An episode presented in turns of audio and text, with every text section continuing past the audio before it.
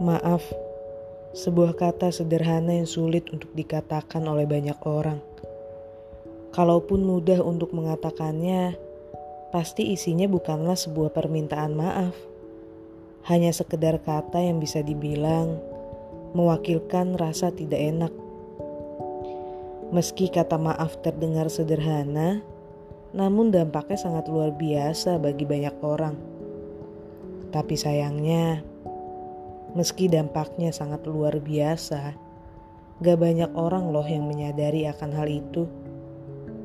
Beberapa masih beranggapan bahwa kata maaf hanya sebuah tameng yang bisa digunakan sewaktu-waktu bila sudah merasa tidak enak hati kepada seseorang.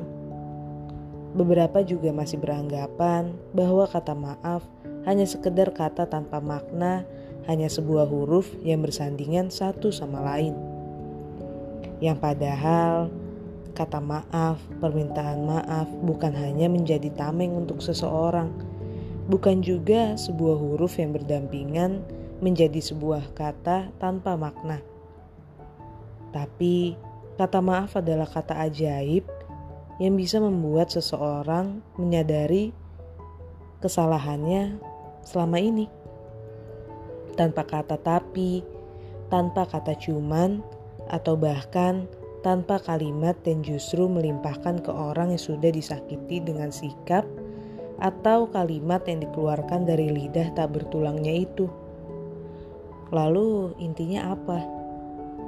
Intinya sederhana. Meminta maaf bukan hanya sekedar ucapan atau perkataan semata. Karena meminta maaf bagi saya adalah refleksi diri sebagaimana saya ataupun mungkin kamu yang bisa mengakui sebuah kesalahan ya memang benar itu adalah kesalahan. Selamat malam semua. Jangan lupa istirahat.